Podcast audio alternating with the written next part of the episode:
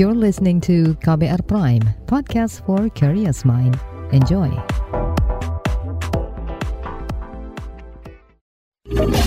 Kamu lagi dengerin What's Trending KBR Pagi.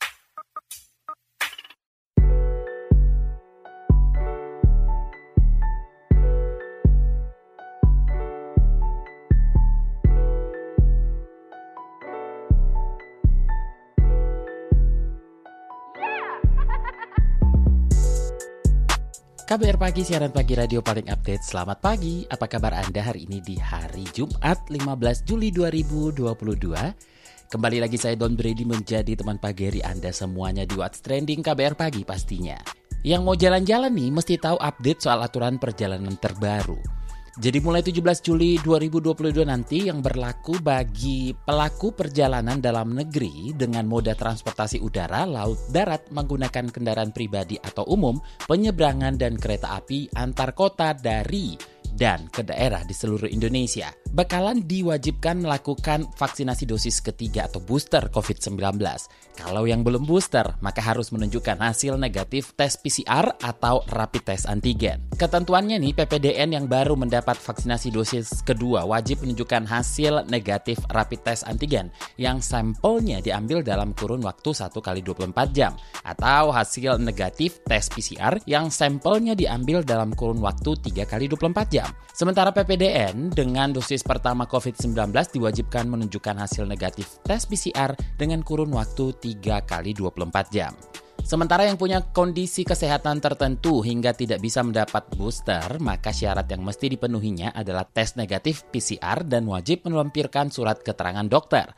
Lalu PPDN dengan usia 6 hingga 17 tahun wajib menunjukkan kartu atau sertifikat vaksin dosis kedua tanpa menunjukkan hasil negatif tes PCR atau rapid test antigen. Sedangkan anak di bawah 6 tahun dikecualikan dalam aturan vaksinasi dan tes COVID-19 ini. Nah di tengah kenaikan kasus COVID-19 nggak cuma perjalanan dalam negeri aja nih yang diperketat. Menteri Dalam Negeri Tito Karnavian pada Senin lalu juga telah menerbitkan surat edaran tentang percepatan vaksinasi dosis selanjutan atau booster bagi masyarakat.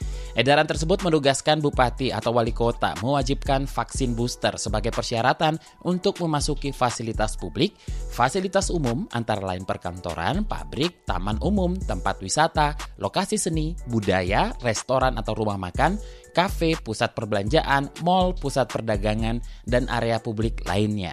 Hal ini dikecualikan bagi masyarakat yang tidak bisa divaksinasi karena alasan kondisi kesehatan khusus dengan mensyaratkan wajib melampirkan surat keterangan dokter dari rumah sakit atau fasilitas kesehatan pemerintah dan anak usia di bawah 18 tahun.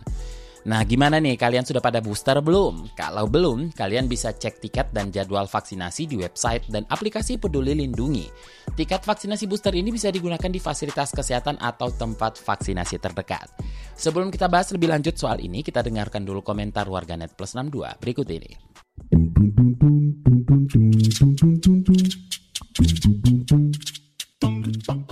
Pertama ke akun @al_shaiba_xx.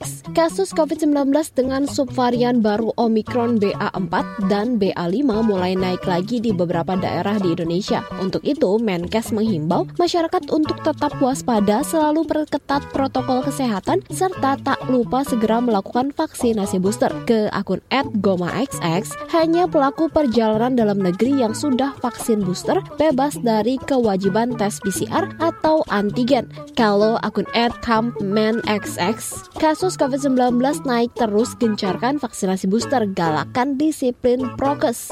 Akun @shofwatxx wajib vaksin booster untuk perjalanan kereta dan pesawat. Ke akun @primaxx, iya ngeri banget ini. Booster udah mulai wajib juga buat masuk ke mall kan ya.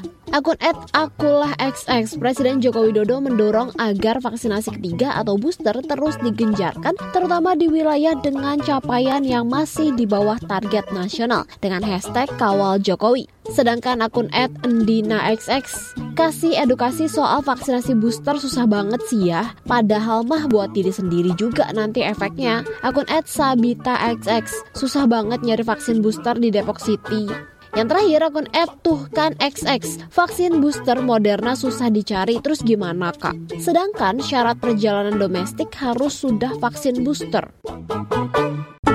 What's trending KBR pagi? Kita lanjutkan obrolan kita pagi ini. Jadi kepada wartawan, Menteri Perhubungan Budi Karya Sumadi mengatakan dibuatnya ketentuan booster sebagai syarat perjalanan dan penggunaan angkutan umum sebagai langkah pencegahan lonjakan kasus COVID-19. Antisipasi ini dilakukan berdasarkan pengalaman peningkatan kasus di Amerika Serikat. Menurut Budi, ketentuan booster ini akan berlaku sejak 17 Juli 2022. Operator bandara, pelabuhan, dan terminal telah diminta berkoordinasi dengan fasilitas kesehatan untuk mengadakan vaksinasi booster. Lebih jelasnya kita dengarkan penuturan Menhub Budi Karya Sumadi di Kompleks Istana Kepresidenan 11 Juli kemarin. Beberapa hal yang akan kita lakukan. Satu, hal tersebut akan diberlakukan tanggal 17 Juli. Nah, memang kita akan mensyaratkan booster atau vaksin ketiga itu menjadi syarat perjalanan yang memang terukur ya. Artinya mereka yang uh, udara kereta api darat itu kita lakukan. Kan kalau apa yang menjadi dasar sudah dibahas oleh satgas dan memang peningkatan yang terjadi di Amerika, di Brazil, di Prancis itu tinggi sekali, ratusan ribu. Jadi kita dalam skala yang masih kecil tentu harus lebih alert ya terhadap itu. Juru bicara Kementerian Kesehatan Republik Indonesia, Dr. Muhammad Syahril, mengatakan selain menerapkan protokol kesehatan, vaksinasi booster sangat penting untuk menjaga kesehatan dan mencegah penyebaran COVID-19 yang semakin membesar di Indonesia. Menurutnya, syarat vaksinasi booster akan diterapkan di transportasi publik, ruang publik, dan acara-acara skala besar.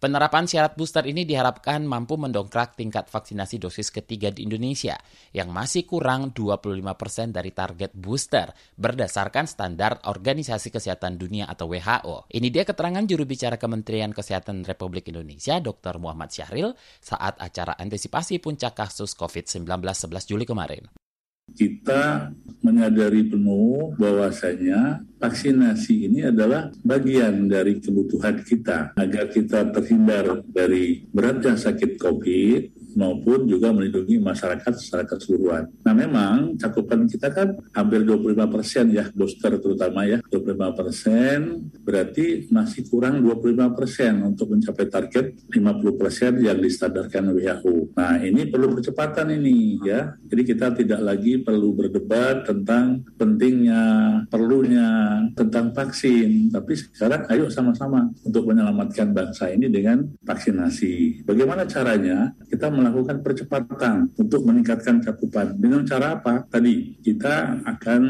membuat suatu persyaratan dalam perjalanan ya. Kemudian dalam persyaratan untuk pertemuan-pertemuan yang berskala besar gitu kan. Ini bukan menjadi suatu kewajiban pemaksaan kepada masyarakat, tapi justru untuk melindungi, bukan hanya melindungi dia tapi kita perlu dong melindungi masyarakat kita di area publik Contohnya di kendaraan publik itu kan perlu dilindungi mereka di sana.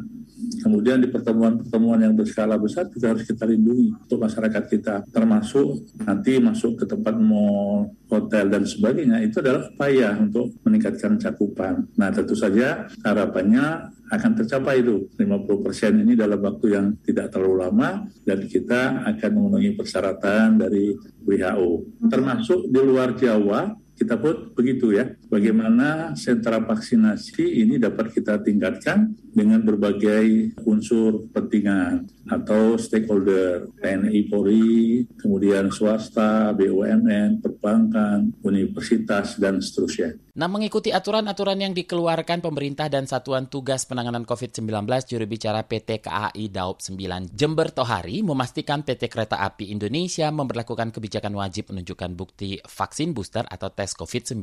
Berikut pernyataannya.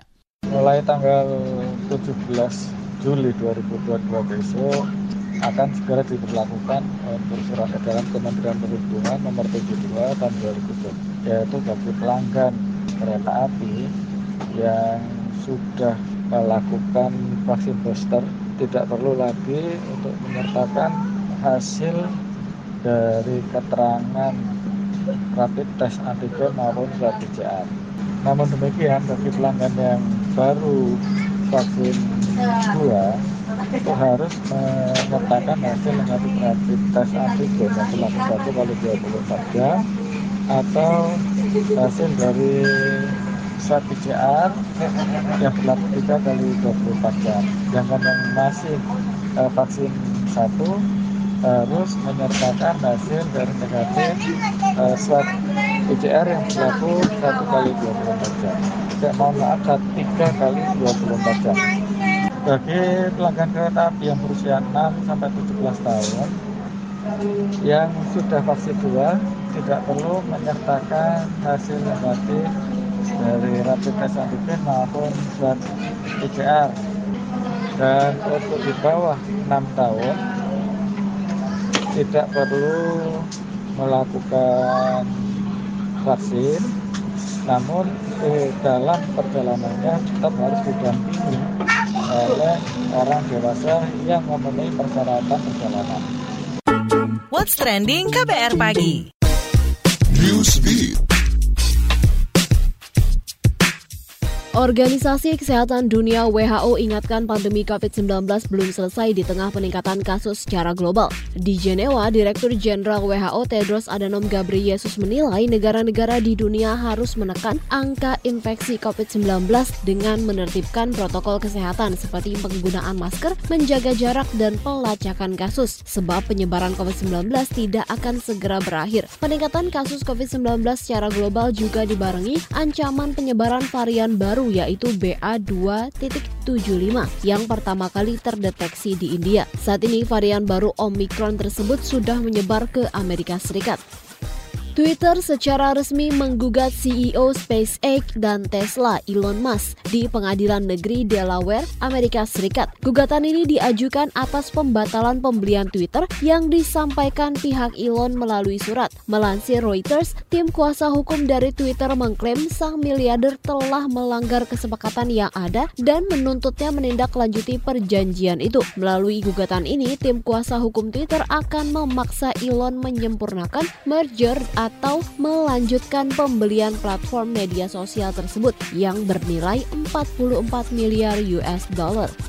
Cetak sejarah, Squid Game jadi tayangan televisi Korea Selatan pertama yang masuk ke Emmy Award. Selain tayangan televisi Korea Selatan, Squid Game juga menjadi tayangan televisi yang tidak berbahasa Inggris pertama yang mendapatkan nominasi di ajang penghargaan untuk produksi televisi Amerika Serikat itu. Serial yang dibuat sutradara, produser, dan penulis skenario asal Korea Selatan, Hwang Dong-hyuk ini mendapatkan 14 nominasi yang tersebar di dua ajang, yaitu Primetime dan Primetime Creative Art. Menanggapi hal ini, Hwang Dong-hyuk mengaku bahagia dan berharap masuknya Squid Game ke Emmy Award bisa membuka jalan bagi seluruh tayangan televisi di dunia untuk dinikmati tanpa memandang budaya dan perbedaan bahasa.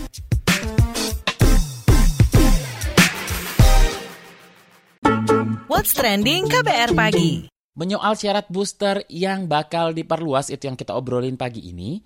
Jadi untuk mengetahui bagaimana pelaksanaan vaksinasi di tataran masyarakat, apakah masyarakat sudah dimudahkan untuk mengakses booster COVID-19? Kita akan tanyakan ke tim advokasi lapor warga lapor COVID-19 Firdaus Ferdiansyah. Bagaimana nih Mas, Anda melihat dijadikannya booster sebagai syarat untuk perjalanan, masuk mall, dan lain-lain? Tepat dan bakal efektif nggak aturan ini diterapkan? Pertama tentu pasti akan efektif ya, karena kalau misalkan kita bisa ada vaksin lengkap, maka ketentuan vaksin lengkap, vaksin lengkap itu berarti vaksin dosis satu dan dua, itu adanya ketentuan yang cukup represif ya, karena memang ada dalam tanda kutip ada ketentuan sanksi apabila warga menolak ya untuk divaksinasi. Sanksinya pun beragam ya, mulai dari sanksi administratif sampai kemudian benda ya. Bahkan kemudian pemerintah mencoba mengimprovisasi dengan menjadikan vaksin dosis lengkap itu sebagai syarat di pelayanan-pelayanan publik. Kalau berkaca daripada itu tentu uh, bisa menjadi efektif ya. Tetapi kayaknya gini, terminologi vaksin booster itu uh, juga akan diketahui oleh warga sebagai salah satu syarat yaitu tadi agar warga bisa tetap mendapatkan layanan publik atau uh, masuk ke ruang-ruang publik. Sementara kan fungsi atau ya fungsi dari vaksin itu kan untuk mempertahankan kekebalan. Nah ini kami khawatir sebetulnya akan ada bias komunikasi terkait mengapa sebetulnya kita membutuhkan vaksin booster ya, terutama di tengah lonjakan kasus Oke, lapor COVID-19 mendapatkan laporan dari masyarakat soal sulitnya mendapatkan uh, suntikan dosis ketiga nggak?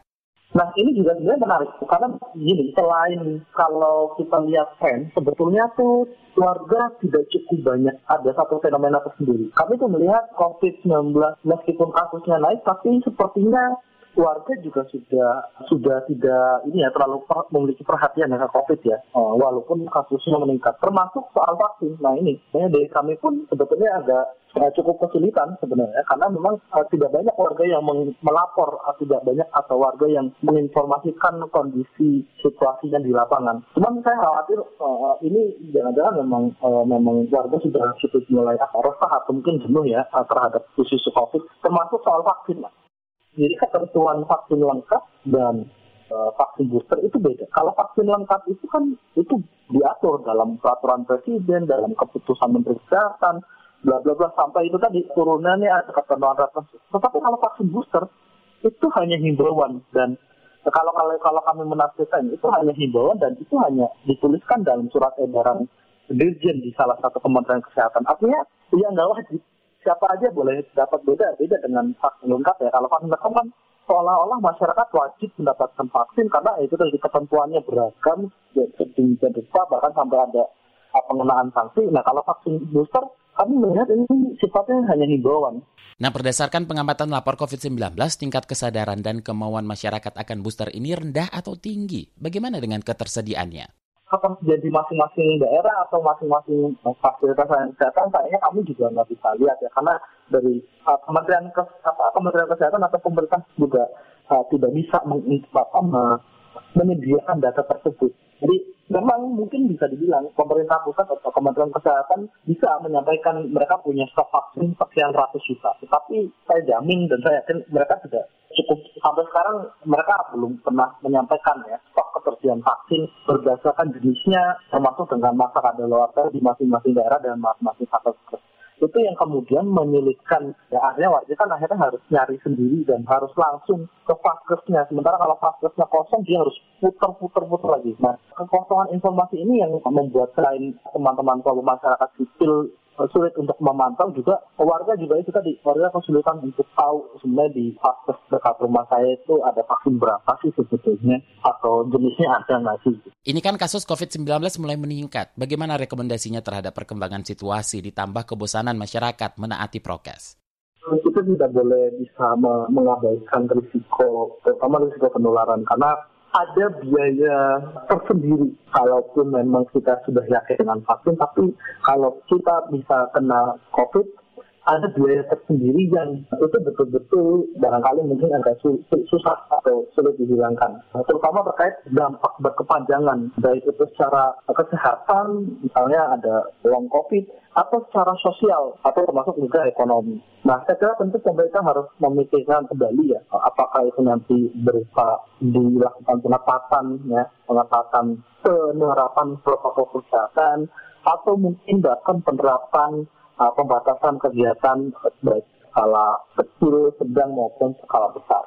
Nah itu sih, jadi mungkin pemerintah harus itu yang pertama harus melihat betul-betul ya harus mempertimbangkan uh, konsekuensi-konsekuensi yang akan datang. Itu yang pertama. Yang kedua pemerintah tentu harus meningkatkan ini kapasitas pelayanan kesehatan. Jangan sampai kemudian memang mungkin kita sudah banyaknya vaksin, baik itu vaksin lengkap atau vaksin booster, tetapi tentu saya kira pelayanan kesehatan itu masih tetap dibutuhkan, terutama pelayanan kesehatan di uh, puskesmas, ya kapasitas mereka harus ditingkatkan itu tenaga kesehatannya atau layanan layanannya harus bisa cepat, responsif dan tentu itu akan berdampak pada 3T. Nah, kalau misalkan ditemukan kasus, segera melakukan tracing apabila ternyata dalam kasus tersebut membutuhkan layanan perawatan lebih lanjut, segera disediakan treatmentnya, segera disediakan fasilitasnya dan sebagainya. Terima kasih tim advokasi laporan warga lapor COVID-19 Firdaus Ferdiansyah.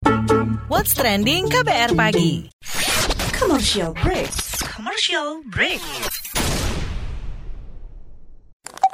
Transfer ke sini udah, bayar ini juga udah. Ke gue udah. Heh, Allah, pertumbuhan ekonomi tuh lagi melambat, persis kayak tabungan gue. Betul banget. harus matang ngelola keuangan. Pengennya tuh investasi sesuatu gitu ya. Apa gitu yang cocok dan menguntungkan? Hmm, coba dengerin uang bicara deh. Gue belakangan lagi dengerin podcast itu di KBR Prime. reksadana yang tadinya 500 juta udah turun dari 250 juta sekarang 10 ribu sama kita ngopi mahalan mana ketika itu ada keputusan yang kayak begitu investor harus tahu gitu oh ada keputusan ini berarti implikasinya apa orang mungkin Perluas literasi kamu lewat podcast Uang Bicara. Uang Bicara menavigasi kamu dengan menghadirkan bahasan-bahasan seru dan populer mulai dari investasi sampai kebijakan. Dipersembahkan oleh KBR Prime dan bisa didengarkan di KBR Prime, Spotify, dan platform mendengarkan podcast lainnya. KBR Prime, podcast for curious mind.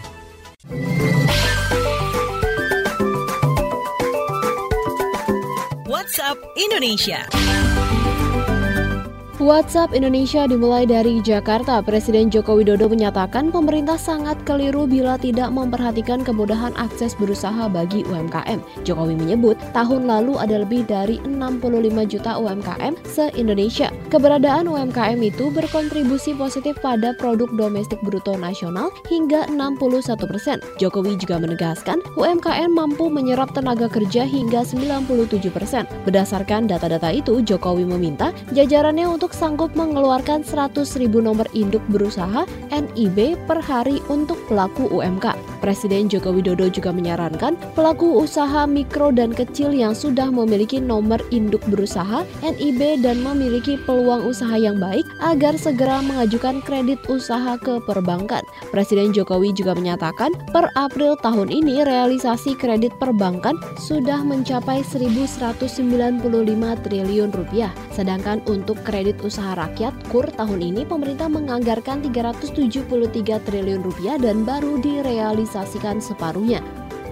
Masih dari Jakarta, Kementerian Kesehatan menyampaikan kembali wacana integrasi database kesehatan masyarakat Indonesia dalam satu aplikasi. Menteri Kesehatan Budi Gunadi Sadikin mengatakan keberadaan aplikasi database yang berbeda-beda untuk satu penyakit dengan yang lainnya menjadikan pelayanan kesehatan tidak efisien dari segi administrasi. Ia menambahkan, inefisiensi aplikasi database kesehatan tersebut sering kali membuat ketidakkecocokan antar informasi kesehatan seseorang di satu aplikasi dengan yang lainnya. Ia mengatakan database kesehatan masyarakat Indonesia nantinya akan dijadikan satu dalam aplikasi Sehat Indonesiaku. Aplikasi tersebut kurang lebih akan serupa dengan Peduli Lindungi yang dicanangkan tidak hanya untuk melacak data yang berkaitan dengan COVID-19 saja, tetapi juga penyakit-penyakit lainnya. Menkes Budi Gunadi Sadikin juga menyampaikan aplikasi Sehat Indonesiaku nantinya juga akan membantu BKKBN dalam menyukseskan berbagai program yang berkaitan dengan perencanaan keluarga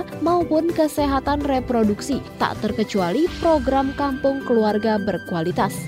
Terakhir mampir Palembang, pemerintah kota Palembang mengancam akan mencabut izin dan menertibkan tempat usaha baik di swalayan, pasar tradisional ataupun pusat perbelanjaan yang menjual makanan serta minuman kadaluarsa. Wakil Wali Kota Palembang, Fitriana Agustinda mengatakan, langkah ini diambil untuk memastikan makanan serta minuman yang dikonsumsi masyarakat aman dan tidak berbahaya bagi kesehatannya. Sebelumnya, Wakil Wali Kota Palembang, Fitrianti Agustinda melakukan sidak bersama Badan Pengawasan Obat dan Makanan BPOM di beberapa mal di Palembang. Di PTC Mall, Fitria menemukan banyak makanan yang mengandung bahan bahaya dan sudah lewat masa kadaluarsa. Fitria menegur dan mengingatkan pihak pengelola untuk tidak menjual makanan yang mengandung bahan-bahan berbahaya, apalagi kadaluarsa. Ia juga meminta pihak mal tidak menjual ikan atau daging olahan dari penjualan ikan yang sudah tidak segar. Demikian WhatsApp Indonesia hari ini.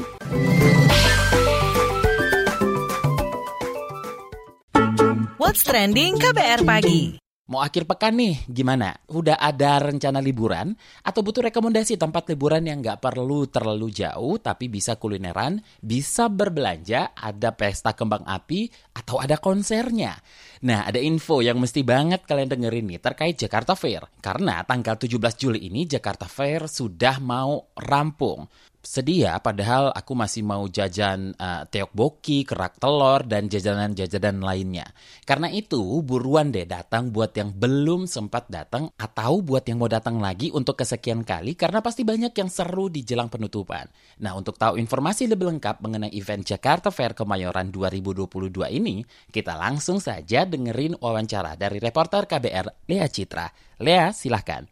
Oke Kak Don, emang ya kalau kita ke Jakarta Fair harus banget nih kulineran sama belanja-belanja. Di Jakarta Fair ini apa yang kita mau, apa yang kita butuh pasti ada. Nah, buat ngulik soal ada apa aja di akhir-akhir penyelenggaraan Jakarta Fair tahun ini, yuk kita tanya ke Sponsorship and Promotion Manager Jakarta Fair Lianawati.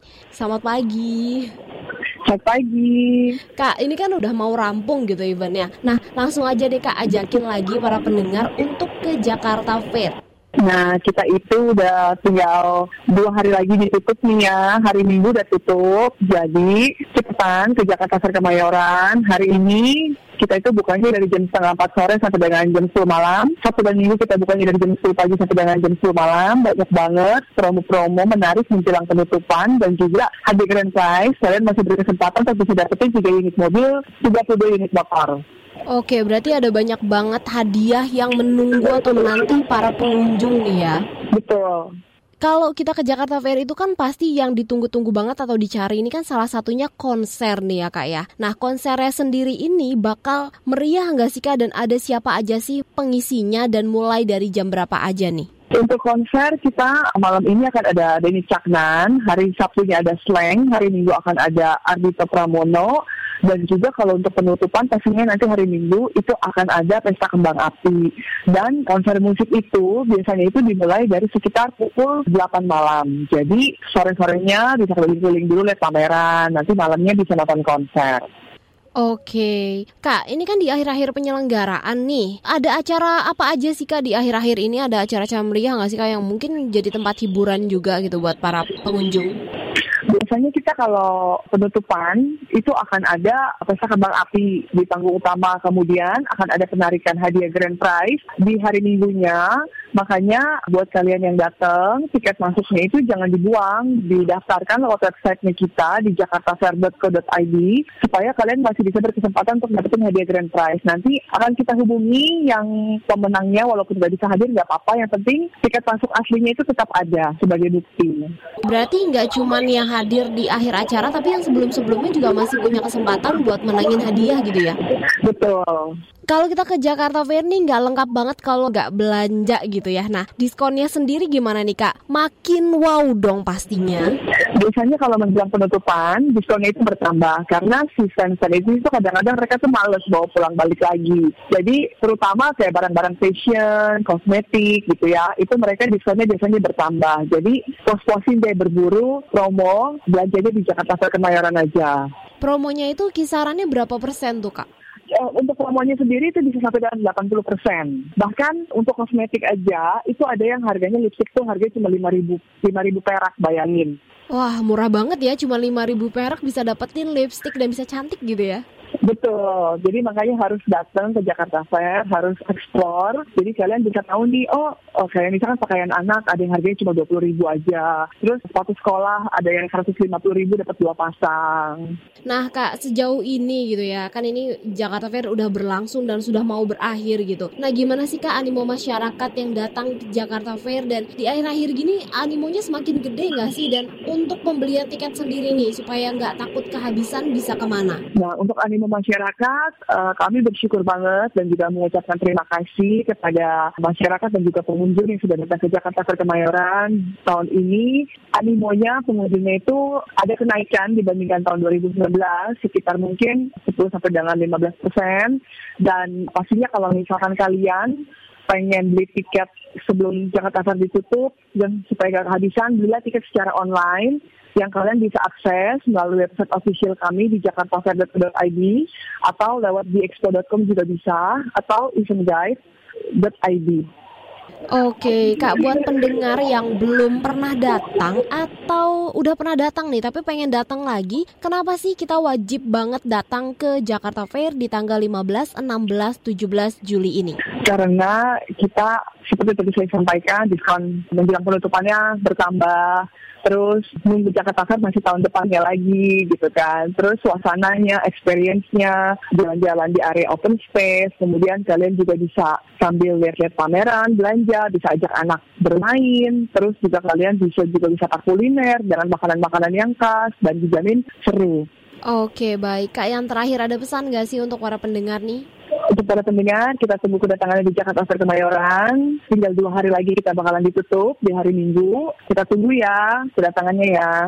Wah, harus buru-buru nih ya untuk pesan tiket via online biar nggak kehabisan promonya dan nggak ketinggalan keseruan dari Jakarta Fair. Karena seperti tadi yang dikatakan Kaliana, kita harus bersabar nunggu satu tahun lagi nih buat ajang Jakarta Fair di 2023 nanti. Nah, terima kasih banyak ya itu tadi sponsorship and promotion manager Jakarta Fair, Liana Wati. Thank you Kaliana. Terima kasih. Demikian KBR pagi hari ini. Jika Anda tertinggal siaran ini, Anda kembali bisa menyimaknya di podcast What's Trending yang ada di Spotify, kbrprime.id, dan di aplikasi mendengarkan podcast lainnya. Dan Brady undur diri. Have a nice day, have a nice weekend, stay safe, bye-bye. Terima kasih ya sudah dengerin What's Trending KBR Pagi. KBR Prime, cara asik mendengar berita. KBR Prime, podcast for curious mind.